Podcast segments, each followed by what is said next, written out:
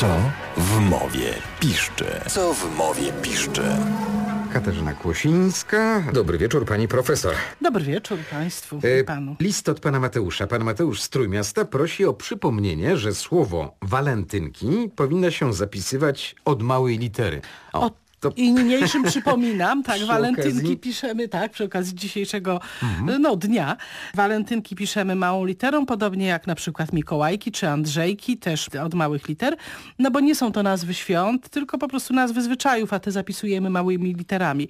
Też na przykład małą literą zapisujemy imiona, które mają takie znaczenie jakieś wtórne, na przykład topienie Marzanny. Gdybyśmy zapisali dużą literą Mhm. Marzanna, no to poszlibyśmy, znaczy i wykonali tę czynność, no to raczej dostalibyśmy jakieś dożywocie chyba, bo chodziłoby o dziewczynę, o kobietę, a to Marzanna pisana małą literą to jest tak przy okazji, pani profesor, jeszcze jedno przypomnienie, że mówimy poprawnie od małej litery albo małą literą, a nie z. Z, a tak? nie z. Nie piszemy czegoś z dużej, z małej czy z wielkiej litery, tylko małą, dużą, wielką literą albo od. Pan Adam z Załusk pyta, co oznacza żyć z kimś na kocią łapę? No, żyć z kimś na kosią łapę to żyć... Ja wiem, to żyć na kartę rowerową. Właśnie, tak się też mówiło.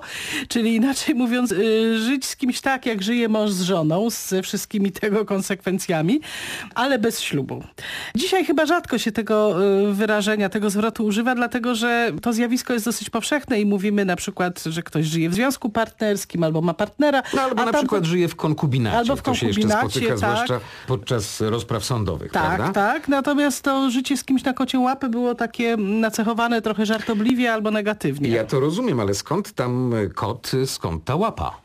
Otóż kot był postrzegany jako zwierzę fałszywe, takie nieszczere, a przede wszystkim symbolizował siły, jakieś siły nieczyste na przykład. Tajemne. Tak, każda szanująca się wróżka przecież musiała No mieć musiała, kota. tak. Albo na przykład kot jak przebiegnie drogę, no to czarny szczególnie, to mamy pecha, prawda?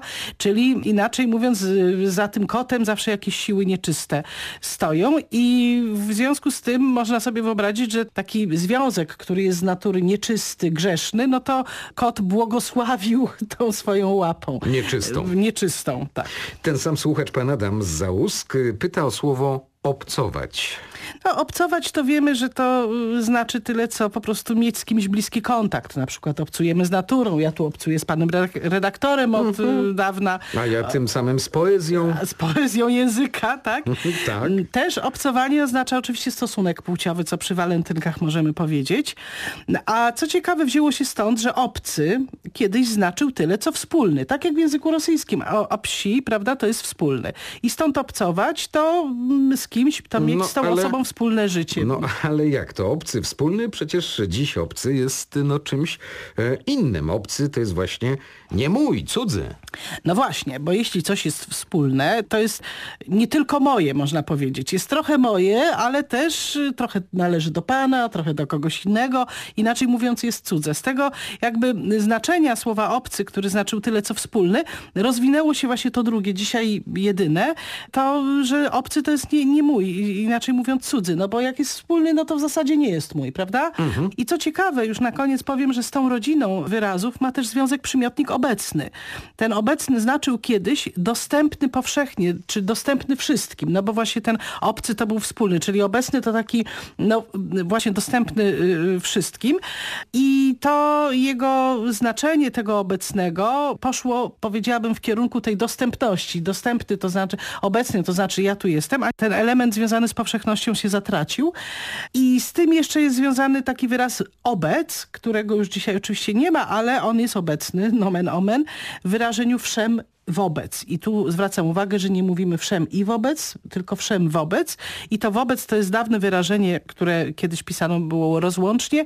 W obec znaczyło w, takie obec to oznaczał jakby grupę, społeczność, wspólnotę. Czyli wobec to we wspólnocie, w grupie. Troszkę Co się- wszem wobec ogłosiłam. Troszkę się czuję przytłoczony tym ogromem wiadomości. Pójdę się chyba położyć, żeby się przyjęło. Proszę bardzo. Bardzo dziękuję. Dziękuję bardzo.